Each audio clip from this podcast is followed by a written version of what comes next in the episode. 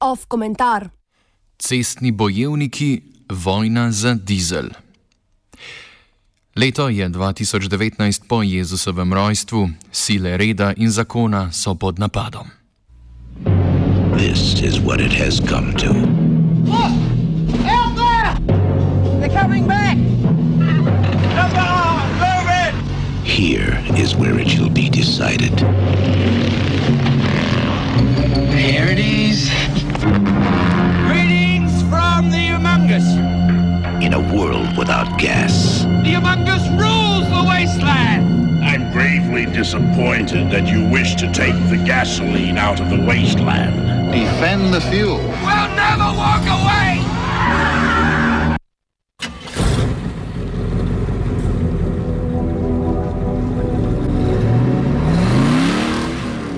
Avtomobili gore. Stebri črnega dima se dvigajo v nebo in zakrivajo jekleni skelet stolpa. V opustošenem mestu pod njim okoli naftnih zalog stoje na hitro postavljene barikade. Zrak parajo kriki in projektili vseh vrst letijo v vse smeri. Starci in ženske beže, a mnogi padajo pod udarci. Ranjenci ječe. Obupani cestni bojevniki v brezrokavnikih se na barikadah spopadajo z izurjeno in brutalno milico mož v črnih oklepih. Avtomobil zdrvi skozi množico, pod kolesi zdrobi starko, a se ne ustavi. Cestni prah se meša s prelito krvjo.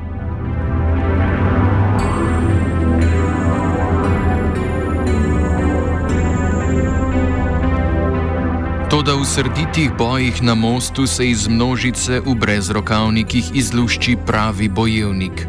Za glavo višji od drugih se z golimi rokami zoprstavi falangi črne milice.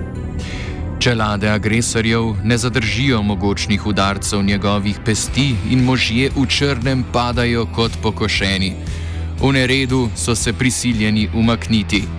Cestni bojevnik skozi dim gorečih avtomobilov vodi ljudstvo v boju za dizelsko gorivo.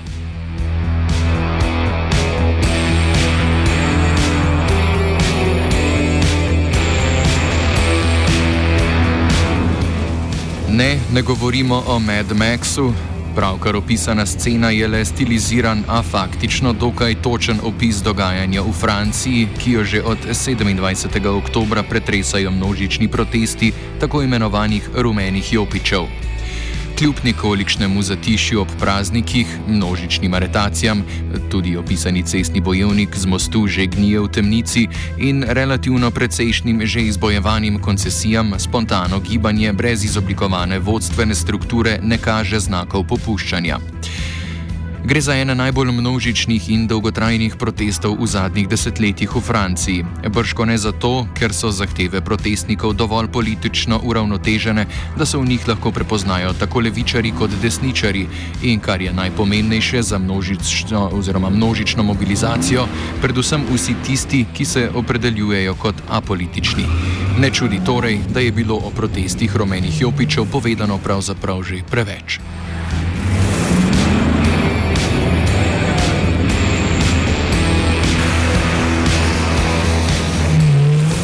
Skoraj da ga ni političnega analitika in kdo dan danes to ni, ki ne bi hitel interpretirati tega pojava. Skoraj da ni političnega gibanja ali stranke, ki ne bi hitela pristaviti svojega lončka, ne le po Franciji in njenih kolonijah, jopiče si nadevajo od Kanade do Tajvana. Anarhisti na nje rišajo svoje ajčke, fašisti protimigranske parole, komunisti srpe in kladiva, edži najstniki pa na njih izpovedujejo svojo ljubezen do posilstev.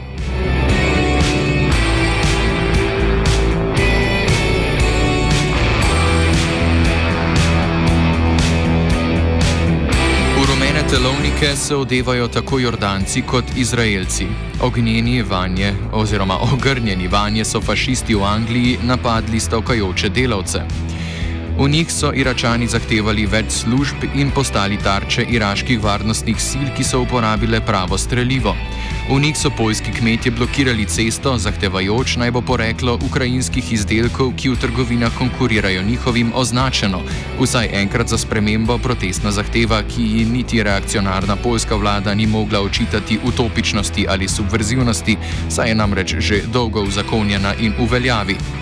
V neki drobni državici nekdanje Jugoslavije pa so skrajni desničari skupaj z edinim predstavnikom plemstva v parlamentu v Jopičih protestirali proti tako imenovani Marakeški deklaraciji in množicam temnopoltnih oziroma temnopoltih mož, ki se prav gotovo valijo v ta podalpski raj z genocida, genocidalnimi nameni.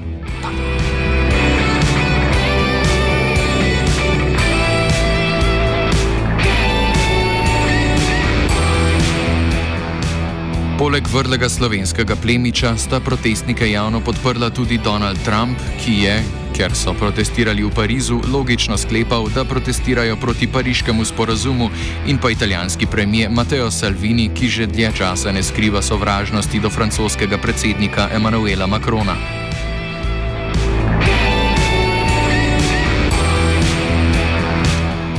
Težavam se je elegantno izognil Egipt, ki je preventivno prepovedal prodajo rumenih jopičev in zaradi domnevne posesti tega subverzivnega objekta aretiral pravnika za človekove pravice Mohameda Ramadana.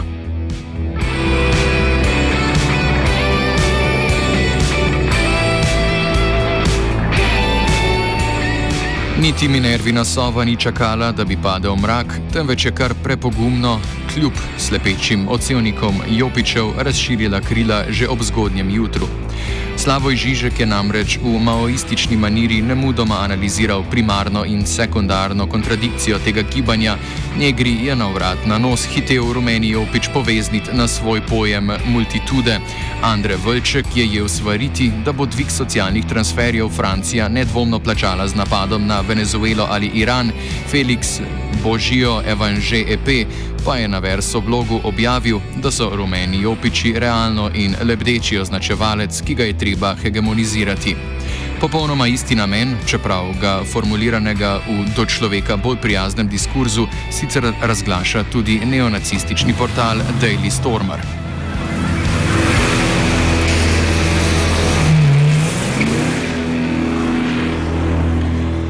Skratka, fascinacija je vse splošna in preči tako vse strani neba, kot tudi političnega kompasa. Protesti, ki so se razplanteli ob napovedi zvišanja davkov na benzin, predvsem dizel, seveda v imenu ekologije, že v osnovi združujejo vse lastnike benzinskih avtomobilov. V Franciji torej predvsem vse tiste, ki si zaradi previsokih najemnin ne morejo privoščiti stanovati v centrih mest, kjer je urejen javni prevoz, oziroma si ne morejo privoščiti nakupa električnega avtomobila. Kljub temu, da je med protestniki prišlo do spopadov med fašisti in antifašisti, pa sta lasništvo avtomobila in breme davkov nasploh dokaj uspešno poenotili ljudstvo.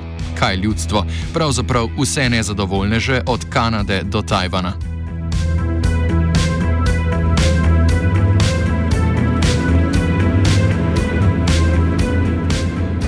Čeprav gibanje zavrača kakršnakoli pogajanja in zahteva odstop Makronove vlade, je predstavilo spisek 42 zahtev, za katerega sicer ni zares jasno, po kakšnem ključu je nastal, saj gibanje, ki sicer zahteva neposredno demokracijo, gotovo nima organizacijskih kapacitet za demokratično oblikovanje zahtev.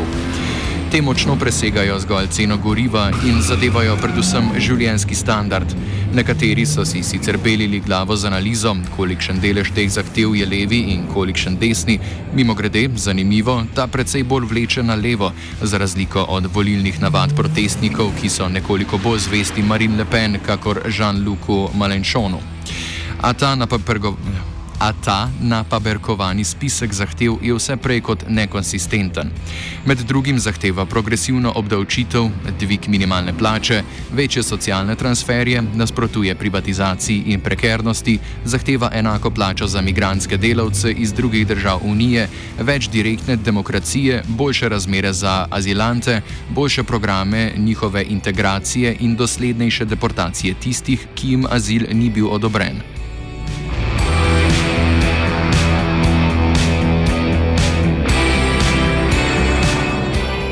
Kljub občasnim nacionalističnim tonom, oziroma prav zaradi njih, je spisek zahtev popolnoma zdravorazumski, tako v dobrem kot v slabem pomenu te besede. Če je v Marksovem času minimalna mezda francoskega delavca morala zadostovati za vino, danes ta za preživetje potrebuje močno socialno državo in soček dizla.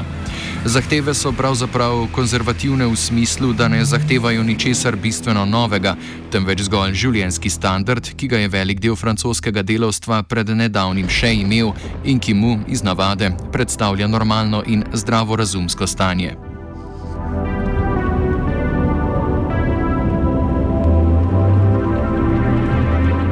Zdravorazumske zahteve delovstva, predvsem iz bivšega tako imenovanega prvega sveta, vključujejo lastništvo osebnega avtomobila kot nekaj tako nujnega in samoumevnega, da, kot priča Mad Max, niti postapokalipsa ni predstavljiva brez njega. A do zaostritve antagonizma in kristalizacije zahtev zdravega razuma, ki je ostanek minulih časov socialne države, je lahko prišlo šele z Makronovo vlado, torej z vlado, ki je vladala izrazito zdravo razumsko, tehnokratsko in apolitično. Prav z odpravo sklicovanja na socialdemokratsko ideologijo, antisocialnim politikam vlade Francoisa Hollanda na vkljub, se je zdravi razum zahtev kapitala jasno pokazal za antagonističnega delovstvu, čigar zdravi razum, čeprav ne več lojalnost, je še zmeraj utemeljen na socialdemokratskih politikah.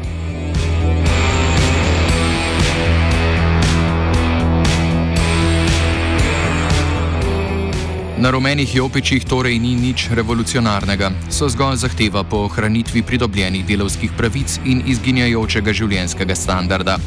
Da je to eden največjih uporov z neprimerljivo privlačnostjo po vsem svetu, je le dokaz tega, kako globoka je kriza levice.